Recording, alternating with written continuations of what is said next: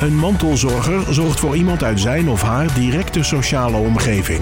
In deze podcastserie praten we met mensen die op verschillende manieren zorgen voor de mantelzorger, zodat zij altijd het gevoel hebben dat ze niet alleen staan en zelf gezond kunnen blijven. Tegenover mij zit Petra Oxford, zorgmanager bij Respijthuis Alkmaar. Welkom Petra. Ja, dankjewel. Uh, het Respijthuis, kun je daar iets over vertellen? Wat is dat? Wat, wat is dat precies? Uh, het Respijthuis is een uh, logeerwoning, logeerhuis. het is een, een bungalow midden in een woonwijk in Hoefplan.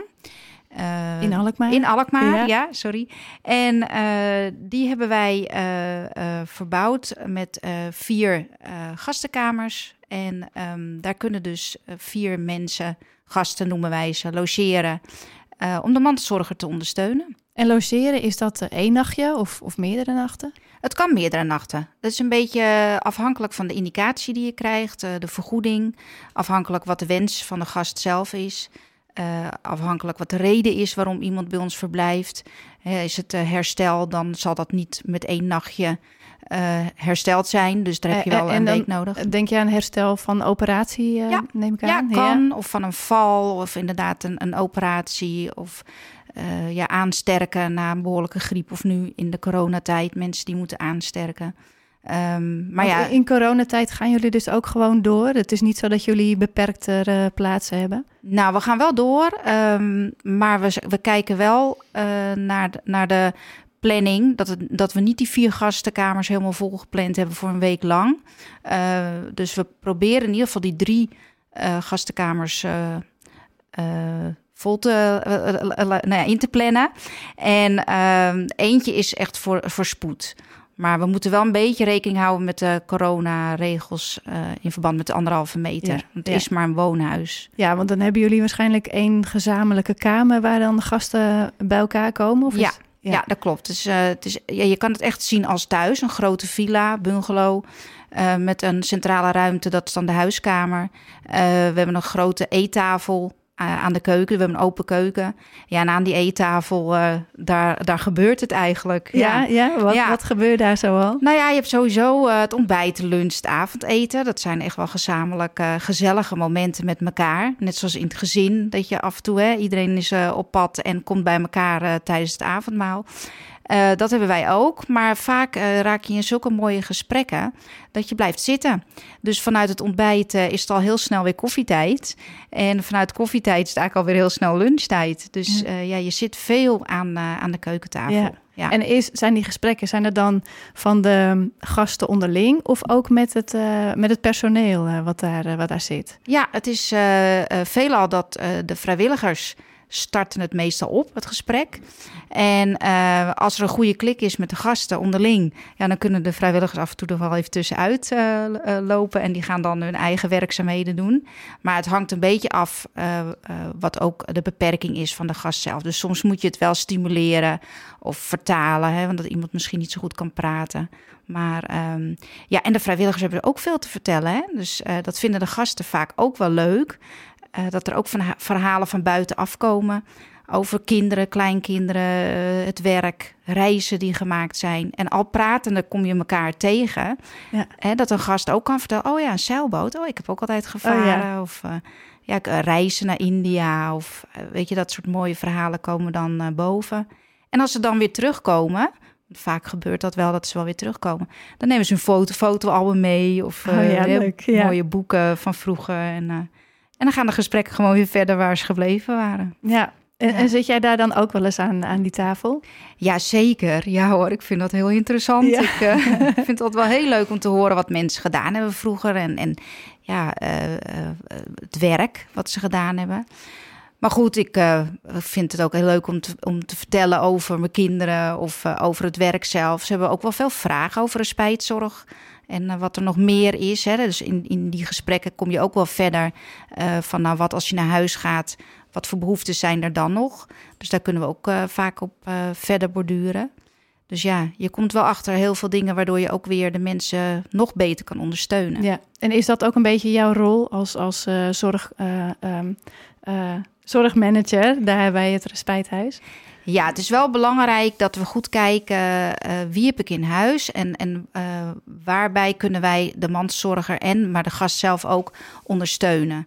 En uh, dat kan zijn inderdaad dat ik contact moet leggen met de huisarts of het mantelzorgcentrum of nou ja, bijvoorbeeld dagbesteding aanvraag. je hebt met case managers te maken, dat je nog wel eens gesprekken gaat. Maar ook wel eens dat we een mantelzorger uitnodigen. Want ja, we doen het voor de mantelzorger in eerste instantie. Alleen de mantelzorger raakt bij ons natuurlijk wel weer uit beeld, omdat hij naar huis gaat of op vakantie. Of Mantelzorgers logeren natuurlijk niet nee, bij jullie. Nee, nee. nee. En, en, je had het net ook over vroeger, hè? De ja. Mensen vertellen over vroeger. Zijn het alleen oudere mensen of, of zijn het ook andere leeftijden die bij jullie komen? Ja, alle leeftijden. Ja, het is in principe vanaf 18 plus. De jeugd uh, valt toch wel weer onder een andere dimensie. Um, ehm, 18 hebben we nog niet in huis gehad hoor, maar wel twintigers. Ja. En dan de gemiddelde leeftijd, ja, dat is wel zeker zo rond de 70, 75.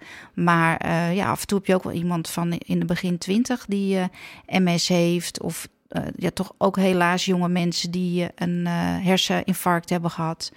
Ja, of een andere beperking. Ja. Dus ja. En, en wat trekt hen dan zo aan het, aan het respijthuis? Ja, het respijthuis is, um, lijkt niet op een ziekenhuis of een verpleeghuis. het is echt een, een soort van thuis zijn. Het is huiselijk. en dat trekt wel heel veel mensen aan. Dus um, de vrijheid, iedereen heeft zijn privacy op zijn eigen kamer. Maar ook uh, het samenkomen met andere mensen, jong en oud, verschillende vrijwilligers. het verbreedt wel iemand zijn sociale leven. En, en je gaat weer naar huis. Dat is natuurlijk gewoon ook heel fijn. Ja. Je, je, hoeft niet te blijven. Dus het voelt ook niet als, als permanent. Of, nee, nee want wat, wat, wat is ongeveer het maximum aantal nachten dat iemand blijft? Nou, het wordt helaas wel wat ingekort. Vroeger dat we begonnen, dat is bijna elf jaar geleden, uh, konden mensen echt wel zes weken verblijven, maximaal in een jaar. Hè? Ja. Uh, nou, is niet aaneengesloten? Nee, hoeft niet. Mag wel. Ja, je krijgt een indicatie bijvoorbeeld voor zoveel etmalen. En dan die zes weken in toen de tijd. Maar die mag je ook knippen. Dus dan mag je ook zeggen, ik ga twee weken in het voorjaar, twee weken zomer, twee weken najaar. Meestal is het nu wel zo'n vier weken max. Um, en wat je dan ziet is ook wel dat soms wordt er gebruik van gemaakt om het een uh, om vier weken achtereen. Maar er zijn ook mensen die doen elk weekend een lang of uh, elke maand een lang weekend. Ja, dus dat, dat verschilt dus heel erg. Ja. En, en is dat voor jullie allemaal in te plannen? Niet altijd, maar um, het, je kan het wel onder de noemer planbare zorg plaatsen. waarom? Um, het is 9 van de 10 keer geen spoed. Dus um, als iemand met die vraagstelling komt, dan kan je best een beetje schuiven met, van een paar dagen van nou, hè, uh, iemand vraagt 1 april aan, maar dan wordt het uh, eh, 3 april. En dat kan ook. Ja. En zeker nu in coronatijd, ja, gaat niemand echt weg, helaas. Nee. Dus nee. dan is het helemaal goed te plannen. Um, Want zijn het dan altijd um, uh, logeerdagen um, gericht of gekoppeld aan een vakantie van bijvoorbeeld de mantelzorger? Of, of zijn er ook andere redenen? Je noemde net natuurlijk al uh, ja. herstel, hè? Ja, nee, er zijn heel veel verschillende redenen. Um, het kan zijn dat iemand echt zo zwaar overbelast is uh, en, en s'nachts niet meer slaapt, oververmoeid raakt en gewoon uh, eigenlijk gewoon eens een paar nachten goed wil slapen. En dan gaat iemand helemaal niet weg, want daar heeft hij geen zin in. Daar is geen energie meer voor. Dus uh, de partner die uh, geniet van de rust in huis. Dat is al fijn. Ja. maar het kan ook zijn dat je, je woont in het noorden en je hebt je familie in het zuiden wonen. En je kan niet makkelijk naar je kinderen of kleinkinderen in het zuiden. Ja, en dat kan nu wel. Dus dan gaan, gaan ze als op familiebezoek. Ja, en inderdaad, vakantie is mooi. Maar het kan ook wel zijn dat een, een uh, mantelzorger zelf geopereerd moet worden. En daardoor niet voor uh, de zorgvragen kan zorgen. En dan uh, is dat ook beter. En dan kan de mantelzorger herstellen thuis. Dat hoeft dan niet natuurlijk in het respijthuis. Maar dan letten wij op de gast. Ja, ja. ja mooi. Je zei net al, hè, van nou, um, mensen komen hier omdat het een, een huiselijke sfeer heeft. Maar um, zou je ook nog voor andere redenen kunnen kiezen voor het respijthuis? Bijvoorbeeld omdat het in de buurt is, ik noem maar een reden. Ja, dat kan. Maar dat is nog niet eens de hoofdreden, want ze komen overal uh, vandaan. Het dus je hoeft ook niet in Alkmaar te wonen om nee. er gebruik van te moeten maken? Nee, Oké. nee, nee. nee hoor, we hebben ook mensen uit Limburg. We hebben iemand Echt? nu uit uh, Friesland. En uh, ja, je merkt dat in, door heel Nederland nog lang niet voldoende voorzieningen zijn, als, als, zoals het respijthuis. Nee. Dus uh, ja, je krijgt nu, omdat we elf jaar bestaan, hè, we zijn het eerste huis in heel Nederland, uh, krijg je toch wel die mond-tot-mond reclame. Dus uh, nu hebben wij iemand uit Drachten, die is geattendeerd door iemand uit Volendam. Ze was op zoek. Ze hebben, ze hebben een jaar lang gezocht naar, naar een logeermogelijkheid voor Echt? haar. Zo. En iemand in Volendam die zegt: ga, naar, ga naar Alkmaar. En Ja. zo geschieden. Ja. Ja. Dus is het dan ook lastig om, om dan nog bij jullie iets te plannen als ze van heinde en verre komen? Nou, nee, want ehm, eh, je hebt natuurlijk niet dat je, dat je hele maanden en weken bij ons kan verblijven. Dus ehm, eh, het kan wel, alleen het kan niet altijd op de gewenste datum die je zou willen. Ja. Dus dat is nog wel eens lastig. Dus we adviseren, kijk, nu dan eh, is het makkelijker, maar als straks mensen weer op vakantie gaan, adviseren we wel om eerst bij ons te kijken of er plek is en dan pas je ticket te boeken. Ja, En niet andersom. Ja, ja, ja. Ja. ja. want dan kom je voor verrassingen te staan. Dan kom je voor verrassingen te staan. Ja. Het enige lastige is ehm, eh, de spoedgevallen. dus je merkt nu bijvoorbeeld eh, dat huisartsen af en toe iemand eh, in overbelasting hebben, wat gewoon een spoedje is. En dat dan degene nergens geplaatst kan worden omdat alles vol is. Of ja, wachtlijst. Ja. En dat, dat maakt het wel eens lastig. Ja, ja. En dan Ja. hoorde ik ook dat jullie dagbesteding hebben. Klopt dat? Ja, het is ehm, niet zozeer een echt eh, zoals eh, dagopvang. Hè, daar kan je het niet mee vergelijken. Ehm, maar we, we zijn nu wel langzaam aan het uitrollen om eh, mensen ook een, een dag op te nemen bij Ja. ons. Dat ze een dag kunnen verblijven.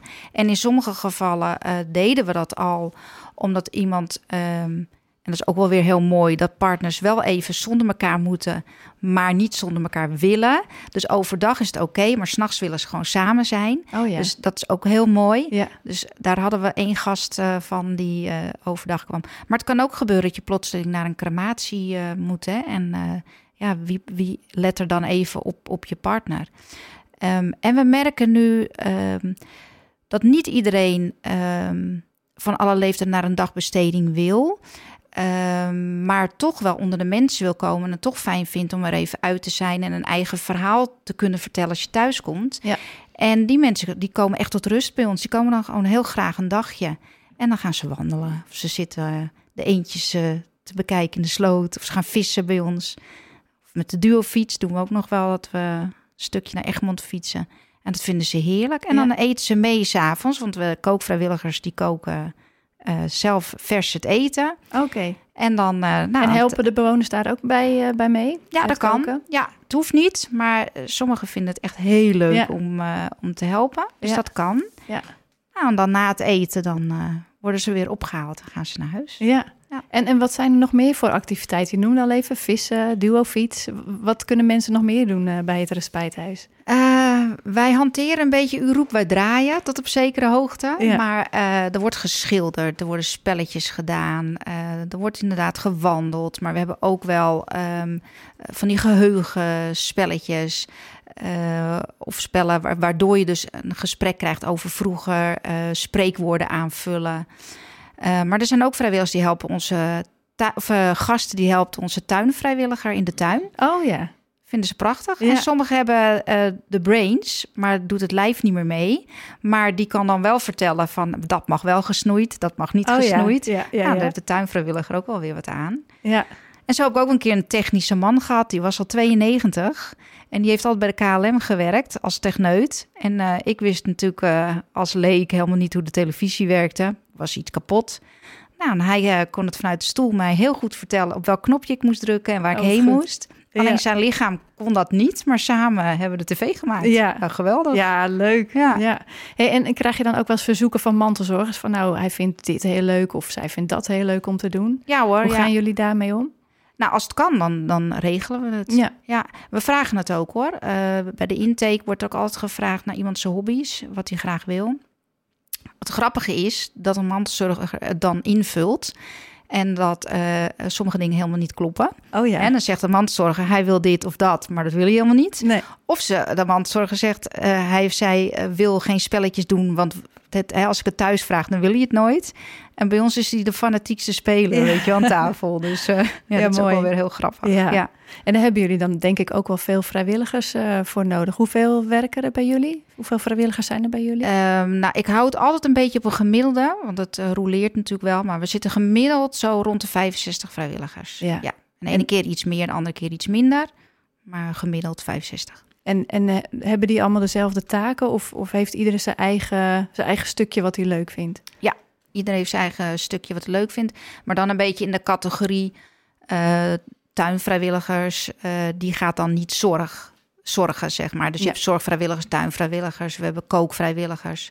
en daarin heeft iedereen zijn eigen taak. Ja. En ja. dan, ja, bij de zorgvrijwilligers voornamelijk dan zorg natuurlijk. Assisteren in de zorg, want de thuiszorg van de zorgcirkel verleent gewoon de persoonlijke zorg. Dus dat zijn de professionals. Ja. Maar als iemand wat ondersteuning nodig heeft, um, dan doen de zorgvrijwilligers ja, dat. Dus die nemen eigenlijk de taken weer waar van de mantelzorg. Kan ja, dat zo zien? Zo moet je het echt zien. Ja. ja. Dus iedereen kan ook bij ons vrijwilliger worden. Ja. Weet je, je hoeft niet een, uh, een zorgachtergrond te hebben. Nee, affiniteit met, met, uh, met zorg misschien wel, maar ja, en of hoeft dat ook niet eens? Nee, je, je, je, moet, je, je moet eigenlijk gewoon bereid zijn om iets te willen betekenen voor je medemens. Dat is het. het. Het er zijn, dat jij er bent, is eigenlijk al voldoende. Ja. Een luisterend oor, even gewoon die persoonlijke aandacht. Uh, ja, dat een gast er ook mag zijn. Weet je, dat gevoel. Ja. Um, als je dat kan betekenen voor iemand, dan, dan maak je iemand zijn dag eigenlijk al helemaal... Uh, helemaal goed. Helemaal goed, ja. ja, En, en wat voor vrijwilligers zitten er bij jullie? Alle leeftijden of, of een bepaalde groep mensen? Nee, eigenlijk wel alle leeftijden. Ja, ja. we hebben uh, echt wel wat jongeren ook, wat, uh, wat heel leuk is. Ja. Um, en maar ook ouderen. Dus ja. um, uh, tot nou, nu, de oudste is nu 76, maar we hebben ook iemand gehad van 81. Zo. En we kijken ook niet naar leeftijd. We kijken wel gewoon naar wat de daadkracht nog is van een vrijwilliger. En um, ben je echt te jong en, en red je de verantwoordelijkheid nog niet, dan kan het niet. Maar als iemand van 18 uh, het heel goed aan kan, dan uh, nou graag. Ja. En, en zijn dat dan voornamelijk maatschappelijke stages, die, die jongeren die daar zijn? Uh, nou, we hebben ook vrijwilligers hoor, die, die dan in de zorg bijvoorbeeld wel de opleiding doen. Oké. Okay. Maar dan wat, toch nog wat willen betekenen of ervaring willen opdoen. Ja. We doen ook stagelopers hebben, maar dat is meestal niveau 2. Uh, in het, uh, ook wel wat maatschappelijke stages. Niveau 3 is voor, voor, ons niet haalbaar, want daar hebben we te weinig zorg voor. Um, maar verder zijn het eigenlijk alleen maar vrijwilligers. Ja. ja. ja leuk dat jullie ook die jongere groepen dan zo weten te, te binden. Ja. Van alle leeftijden. Alle dus. leeftijden, ja. ja. En je vertelde net, hè, jullie hebben vier kamers binnen het respijthuis. Um, is dat niet uit te breiden? Uh, nou, op deze locatie niet. Okay. Uh, en waarom niet? Um, dan is mijn kleinschaligheid weg, dat oh, huiselijke ja. weg. Ja. Um, dus dat, dat gaat niet. Maar we zijn zeker aan het kijken of we het kunnen uitbreiden op andere locaties. Ja. En dan ook eens bekijken of we de doelgroepen wat beter ook weer bij elkaar kunnen uh, plaatsen. En wat bedoel je dan met doelgroepen? Nou, wij zijn. Um, nu is het heel gemeleerd. er zitten ook mensen met dementie. Um, uh, aan het beginstadium, dus hele zwaardere uh, cliënten, dat, die komen niet bij ons logeren. Maar soms um, uh, is het voor een andere gast te, te druk of um, niet goed, geen goede match. Weet je, iemand die Parkinson heeft, heeft veel meer aandacht nodig dan iemand die er alleen voor herstel zit. Dus ook om die, om die uh, verpleeghuissetting niet te willen uitdragen, moet je ook een beetje kijken van nou, uh, wat is het beste voor welke groep? Tevens ook voor mensen met dementie dat je wat meer demotica kan uh, toepassen. Hè? Dat je het huis wat dementievriendelijker kan maken. Nou ja, op die manier willen we kijken of, of we het een beetje kunnen verbreden. En, en wat, naar wat voor locaties kijk je dan? Uh, nou ja, sommige bestaande locaties ook wel. Um, dat we ook wel uh, willen kijken voor mensen die een kleine beperking hebben. Um, dat Maar zeg maar. ook, de- kijk, Ja, kijk, sorry? kijk je dan naar zorginstellingen bijvoorbeeld? Of kijk je naar ehm, eh, bestaande wijkcentra? Of hoe, hoe moet ik dat zien? Waar, waar kijken jullie dan naar? Ja, we kijken niet naar eh, eh, zorgcentra, want daar willen we eigenlijk Nee, ver van precies. wegblijven. Ja, ja, dat dacht ik ook, ja. Nee, het is meer hu- huizen, locaties waar, waar leegstand is. Oké, dat is best lastig in deze tijd, denk ja, ik. Ja, ja, dat is heel lastig. Ja, Ja, en voor, voornamelijk ook het financiële plaatje. Ja. Hè? Dat, eh, dat is helemaal lastig natuurlijk. ja, Maar eh, nou ja, er valt wel eens wat open. ja precies. Ja. Dus ik denk ook, als, als, als ik jou zo hoor, je zou een hele grote zak geld hebben, dan zou je dat eigenlijk als eerste willen realiseren. Ja, als ik zo- een zak geld zou hebben, dan weet ik het wel hoor. Dan eh, komen er een heleboel respijthuizen. Ja, Komen er, ja. Want wat is de reden dat er zo weinig in Nederland zijn? Als ik, als ik jouw verhaal zo dan zouden er toch veel meer moeten zijn. Ja, financiële plaatje. Ik heb zo ontzettend veel mensen uit heel Nederland eh, in het respijthuis eh, gehad van eh, uit de politiek. wethouders, nou ja, allemaal mensen die het initiatief over willen nemen. Ja. En dan komen ze best wel aardig wat stappen verder, maar het uiteindelijke liedje is toch het financiële plaatje. En dan zegt een gemeente: ik geef liever eenmalig een keer een indicatie af om in Alkmaar te gaan logeren, dan dat wij een locatie eh, gaan faciliteren waar weer een subsidie naartoe moet of eh, meerdere W-mode-indicaties. Of ze zeggen: we hebben al iets wat erop lijkt.